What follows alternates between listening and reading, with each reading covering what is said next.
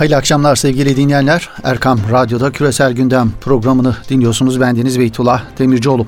Küresel gündemde ön plana çıkan gelişmelerin perde arkasına ışık tutmaya çalıştığımız programımıza hoş geldiniz. Koronavirüs pandemisi küresel çapta dünyanın sağlığını, küresel güçlerin nüfus mücadelesi de dünya barışını tehdit etmeye devam ediyor. Bir başka ifadeyle koronavirüs gibi dış politika gündemini meşgul eden jeopolitik krizler de gündemden düşmüş değil. ABD öncülüğündeki Batı ile Rusya arasındaki gerilimin nereye evrileceği meselesi şu sıralar en çok konuşulan konuların başında geliyor. Ukrayna ile Rusya arasında başlayan ama Batı Rusya gerilimine dönüşen krizin derinleşip sıcak bir çatışmaya dönüşüp dönüşmeyeceği hatta bu çatışmanın 3. Dünya Savaşı'nın fitilini ateşleyip ateşleyemeyeceği küresel gündemin en hararetli konusu olarak tartışılıyor. Amerika Birleşik Devletleri'nin Afganistan'daki tarihinin en uzun savaşını sonlandırmaya hazırlanırken ABD işgali sonrası bölgeyi nelerin beklediği sorusu gündemde cevabı aranan sorular arasında yer alıyor. İran'ın ABD ve İsrail'e karşı kullandığı nükleer kozuna ABD ve İsrail'in nasıl karşılık vereceği Orta Doğu gündeminde yer alan konular arasında. Küresel Gündem programımızda dünya jeopolitiğini meşgul eden gelişmeleri ve bu gelişmelerin muhtemel yansımalarının neler olabileceğine ilişkin değerlendirmeleri vaktimiz ölçüsünde paylaşmak istiyoruz. Evet, Küresel Gündem başlıyor. Şu sıralar en çok konuşulan, belki de bundan sonraki günlerde de en çok konuşacağımız konulardan biri Karadeniz'in ısınan suları olacak gibi duruyor sevgili dinleyenler. Doğu Akdeniz'de nispeten düşen tansiyon artık Karadeniz'e taşınmış durumda. Ukrayna'nın doğusunda merkezi hükümetle Rusya yanlısı ayrılıkçılar arasındaki gerilime NATO ile birlikte ABD öncülüğündeki Batı'nın müdahil olmaya çalışması krizin mahiyetini değiştirmiş vaziyette. Ukrayna ile Rusya arasında yaşanan krizin özünde Ukrayna'nın kendi içerisinde sosyokültürel anlamda da bölünmüşlük var. Ülke Batı yanlıları ile Rusya yanlıları arasında bölünmüş durumda. Moskova Ukrayna'daki Rusya yanlısı ayrılıkçılara destek veriyor. Kiev yönetimi de Rusya'yı, Ukrayna'yı parçalamaya çalışmakla suçluyor. Tarihi kökleri de olan krizin son dönemde tırmanışa geçtiği tarih ise 2004'lerde başlıyor. Tam olarak da 2004 yılının sonlarında yaşanan ve sonrasında Kiev'de iktidar değişikliğine yol açan turuncu devrim sürecine dayanıyor bu kriz süreci. O dönemde Rusya yanlılarının iktidara gelmesi önlenmişti. Aradan geçen sürede Batı'nın etkinliği sınırlı kaldı. 2010 seçimlerinde Rus yanlısı Yanukovych ülkenin yönetimini ele aldı. Sonrasında Batı yanlısı kesimlerin ayaklanması 2014'ün başlarında da Yanukovych'in devrilmesine yol açan olaylar silsilesi nihayetinde Rusya'nın askeri müdahalesi ve Kırım'ın ilhakı ile sonuçlandı. O tarihten bu yana Ukrayna ile Rusya arasındaki gerilim devam ediyor sevgili dinleyenler. Kırım'ın ilhakı ve Ukrayna'nın doğusundaki Donbas bölgesinde Rusya yanlılarının tek taraflı bağımsızlık ilan etmesinin ardından Kiev yönetimi saldırgan ülke olarak tanımladığı Rusya'nın Ukrayna'yı bölerek yeni Rusya adıyla yeni bir yapılanma kurmaya çalıştığını ileri sürüyor. Rusya yanlısı ayrılıkçıların ve çatışmaların merkezi konumundaki Donbas, Rusya kökenlilerin çoğunlukta olduğu bir bölge. Hatta Rus pasaportları dahi taşıyorlar. Moskova yurt dışındaki Rus vatandaşlarını tehdit altında görmesi halinde Rusya'nın onları koruyacağını söylüyor. Kiev yönetimi 2008'de Gürcistan'a müdahale eden, 2014'te Kırım ilhak eden Rusya'nın Donbas'ı işgal edeceğinden endişeli. Bu endişesini bertaraf etmek için de daha çok batıya yaslanmış durumda. Toprak bütünlüğünü sağlamak isteyen Kiev, topraklarını korumak için çözümü bir an önce NATO üyesi olmakta görüyor. Bu hedef doğrultusunda üyelik harekat planı almak ve üyelik görüşmelerini başlatmak istiyor NATO ile. Rusya ise Ukrayna'nın NATO'ya girmesini kendisi için tehdit olarak görüyor.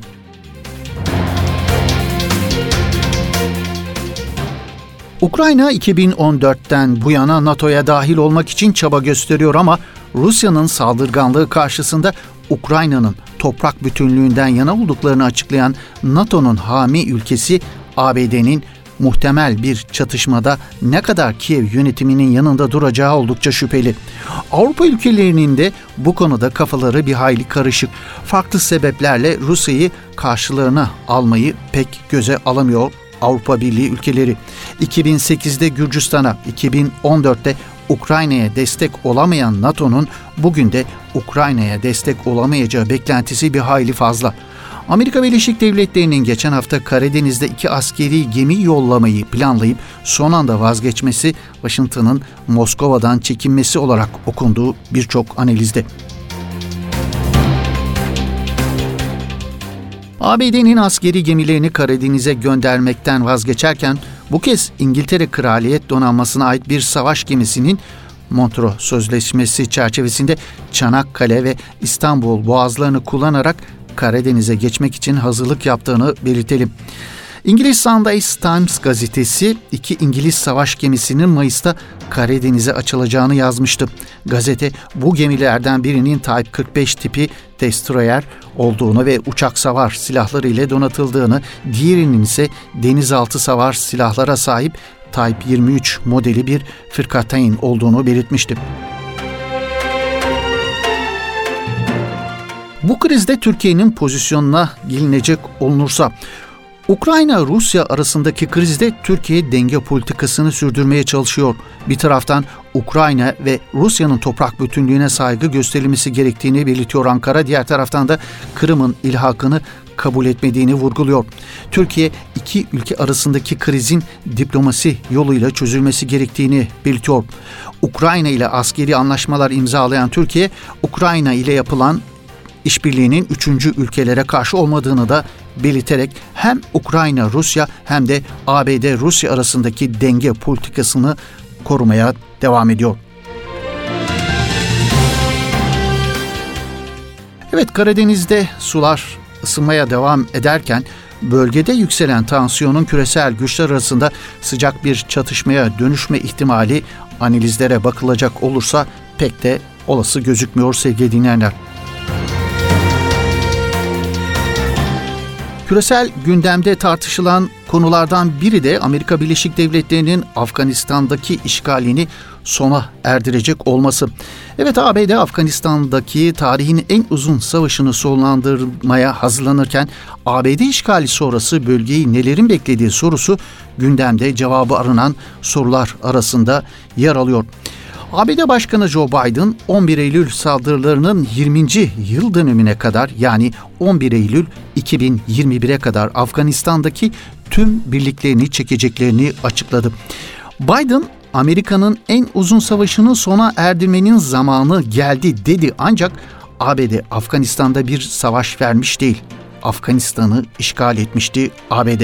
İşgal sona erdirmeyi barışçıl adım olarak lanse eden ABD'nin 20 yıllık işgali sonucu Afganistan'ın siyasi, toplumsal ve ekonomik yapıları harabeye dönmüş durumda. 11 Eylül 2001'de ABD içinde birçok soru işareti olan terör saldırılarına uğradı Amerika Birleşik Devletleri. Ardından George W. Bush başkanlığında ABD terörle mücadele bahanesiyle Afganistan'ı işgal etmişti. İşgal Ekim 2001'de başladı. 20 yıllık işgalin bilançosu ise oldukça ağır oldu sevgili dinleyenler. ABD'nin neden olduğu istikrarsızlıktan dolayı Afganistan'da sık sık bombalı saldırılar gerçekleşti. On binlerce masum insan katledildi. ABD'nin işgali sırasında katlettiği sivil sayısının 43 binden fazla olduğu belirtiliyor. Yine ABD işgali sırasında hayatını kaybeden toplam insan sayısının ise 100 binden fazla olduğu vurgulanıyor. Ülkesini terk etmek zorunda kalan Afgan sayısı ise yaklaşık 700 bin. Ülke içinde yerinden edilen Afganların sayısı ise 5 milyon dolayında sevgili dinleyenler.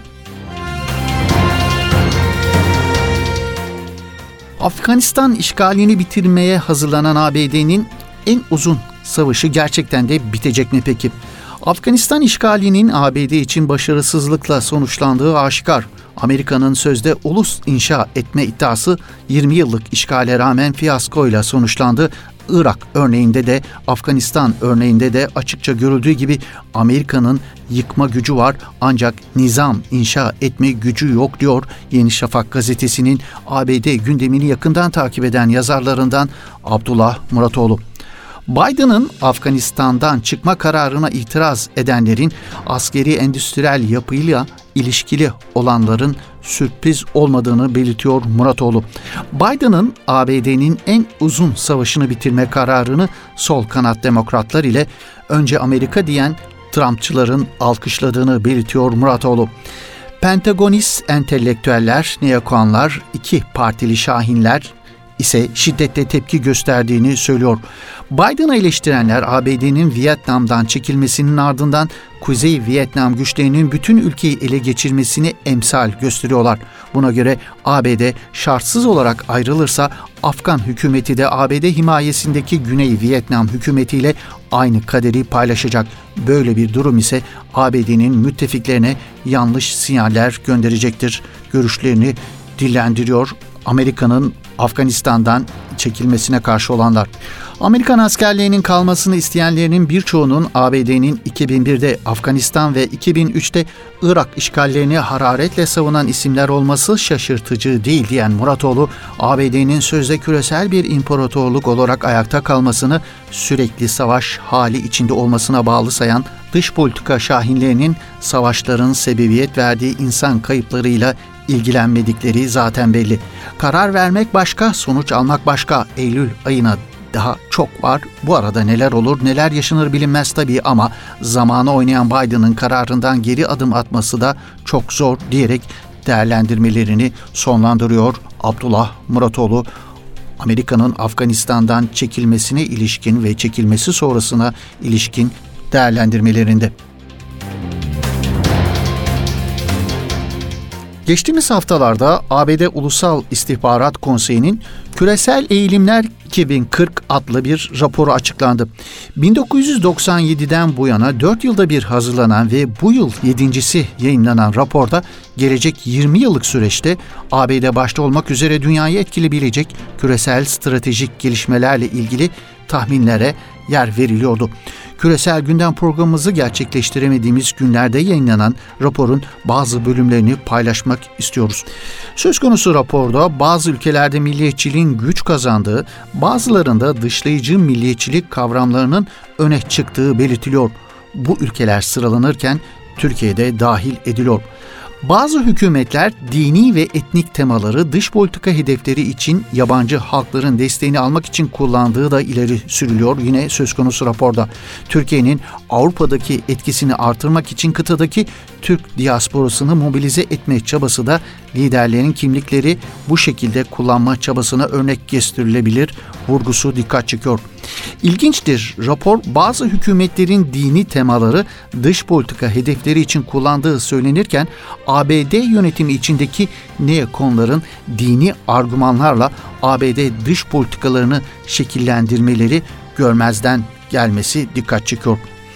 Artık bölgesel rekabetlerin arttığına yer verilen raporda İran, Türkiye, Suudi Arabistan ve Birleşik Arap Emirlikleri'nin bu yarışa katıldığına iki kutuplu yapıdan çok kutuplu dünya düzenine geçilirken bölgede oluşan boşluğu bu ülkelerin doldurmaya çalıştığına da değiniliyor.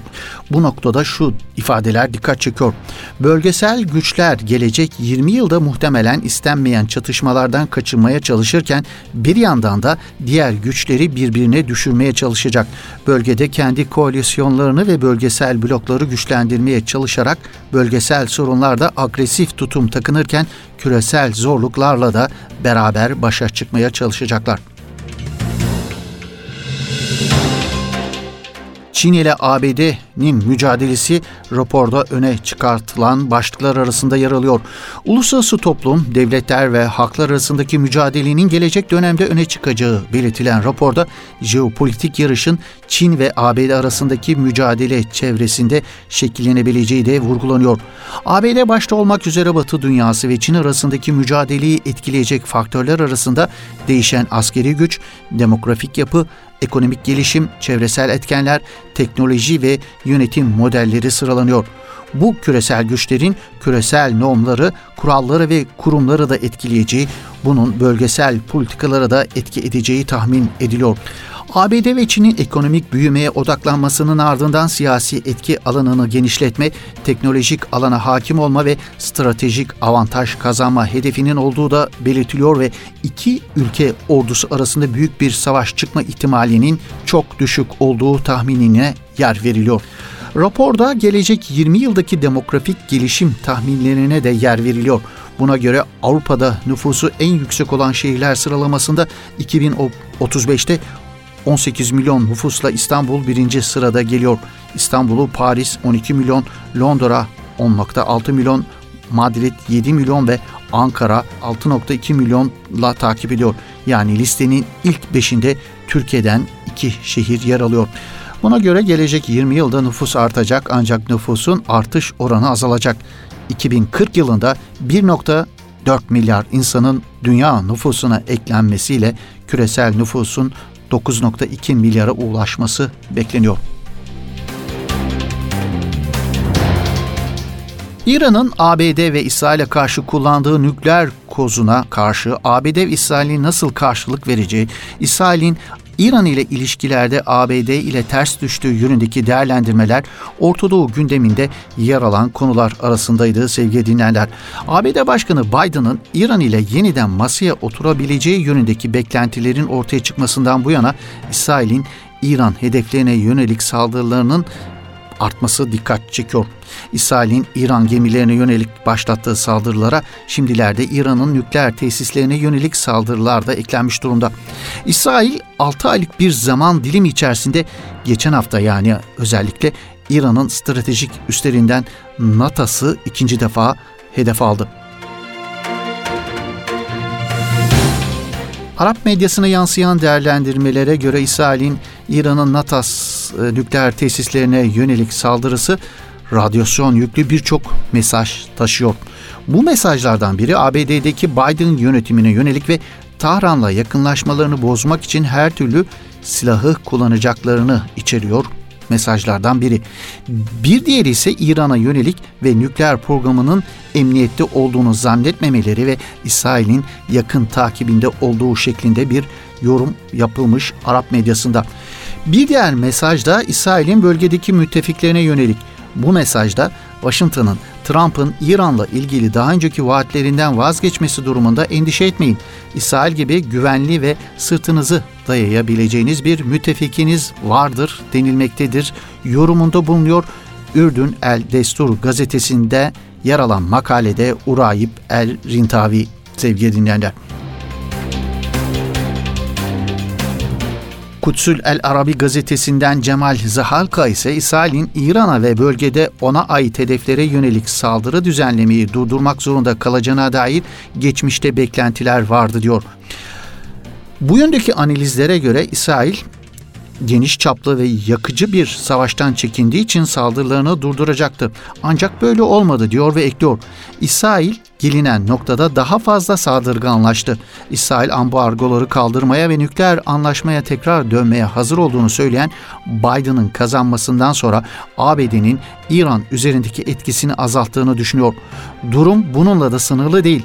İsrail, ABD'nin Afganistan, Irak ve Suriye'den çekilmesiyle büyük bir güvenlik boşluğu doğacağını ve bu boşluğu doldurmak zorunda kalacağını düşünüyor, diyor Kutsül Arabi gazetesi yazarı Cemal Zahalka ve ekliyor. İsrail'in artık sadece İran'ın nükleer programını hedef almakla sınırlı kalmak istemediğini, bunun yanı sıra İran'daki iç siyasete de etki etmeyi hedeflediğini belirtiyor. İsrail, İran'da kendi şartlarını kabul edecek bir yönetimi arzuluyor ama bunun olmayacağını çok iyi biliyor. Bu yüzden saldırılarıyla dolaylı yoldan İran'da halk arasında bir öfke uyandırıp bu öfkeyle radikal muhafazakar kanadın yükselişe geçmesini istiyor. Böylece İran'a ve nükleer programına karşı uluslararası bir ittifak kurmak daha kolay olacak değerlendirmesinde bulunuyor Kutsül Arabi gazetesi yazarı Cemal Zahalka. Çat Cumhurbaşkanı İdris Debi'nin Cephe altında yaşanan bir çatışmada yaralanarak hayatını kaybetmesi küresel gündemin en sıcak başlığı olarak ön plana çıkıyor sevgili dinleyenler. İdris Debi hayatını kaybetmeden bir gün önce Cumhurbaşkanlığı seçimini mevcut Cumhurbaşkanı iken kazanmıştı. Çat ordusu tarafından doğrulanan haberlere göre yeniden seçilen Cumhurbaşkanı İdris Deby ordu komutanı olarak ülkenin kuzeyindeki cephede ayrılıkçılarla çatışırken aldığı yaralar sebebiyle hayatını kaybetti. 68 yaşında hayatını kaybeden Cumhurbaşkanı'nın oğlu Mahamat Adris geçiş döneminde ülkenin başına geçeceği ordu tarafından açıklandı.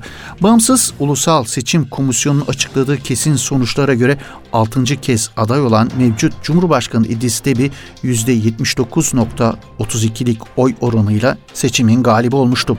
Çat Cumhurbaşkanı İdris Deby Partisi Ulusal Kurtuluş Hareketi ile iktidara geldiği 1990'dan bu yana ülkeyi yönetiyordu. Cumhurbaşkanı İdris Deby 2018'de anayasa değişikliğiyle bu yıl görev süresinin dolmasının ardından her biri 6'şar yıl olmak üzere iki dönem daha seçilebilmesinin yolunu açmıştı. Muhalefet çatı 30 yılı aşkın süredir yöneten İdris Deby'yi ülkede monarşi kurmaya çalışmakla suçluyordu. Debi ise insanların kendisine duyduğu güven nedeniyle yeniden aday olduğunu ifade etmişti. Evet uluslararası medyadan aktaracağımız son bir değerlendirmeyle programımızı toparlıyoruz sevgili dinleyenler. İsrail'in önde gelen yayın organlarından Haaretz'te yer alan bir haber analizde Türkiye'de de tartışılan Kanal İstanbul projesi masaya yatırılıyor. İsrail gazetesine göre Kanal İstanbul'un inşası bölgeyi yeniden şekillendirecek ve büyük bir etki oluşturacak. Türkiye'nin kanal sayesinde elde edeceği gelire dikkat çekilen haberde Rusya'nın projeden endişe duyduğu ileri sürülüyor. Haberde uzmanlar kanal trafiğinin ülkeye yılda 10 milyarlarca dolar kazandıracağını söylüyor diyor Gazete, kanal boyunca oluşulan işletmeler Türk halkına on binlerce yeni imalat ve hizmet işi sağlayacak vurgusu da dikkat çekiyor İsrail'in Haaretz gazetesinde yer alan haberde. Erdoğan'ın Kanal İstanbul projesi Rusya'ya meydan okuyor diyen gazete Karamayın olarak nitelendirdiği projenin hayata geçmesi halinde bölgenin sarsılacağı ifadesini kullanıyor. Bu görüşün gerekçesi Moskova'nın endişesinin ana nedeni Türkiye'nin Ukrayna'ya sahip çıkması değil, Moskova Karadeniz'de bir çatışma sırasında batılı savaş gemilerine yeni bir rota vereceğinden endişe ediliyor şeklinde de bir ifade yer alıyor. İsrail'in önde gelen gazetelerinden Haaretz'in Kanal İstanbul projesini masaya yatırdığı haber analizinde sevgili dinleyenler. Evet uluslararası medyaya yansıyan bu değerlendirmelerle bugünkü küresel gündem programımızın da böylelikle sonuna gelmiş bulunuyoruz. Yeni bir küresel gündem programında buluşmak ümidiyle hayırlı akşamlar, hayırlı iftarlar sevgili dinleyenler.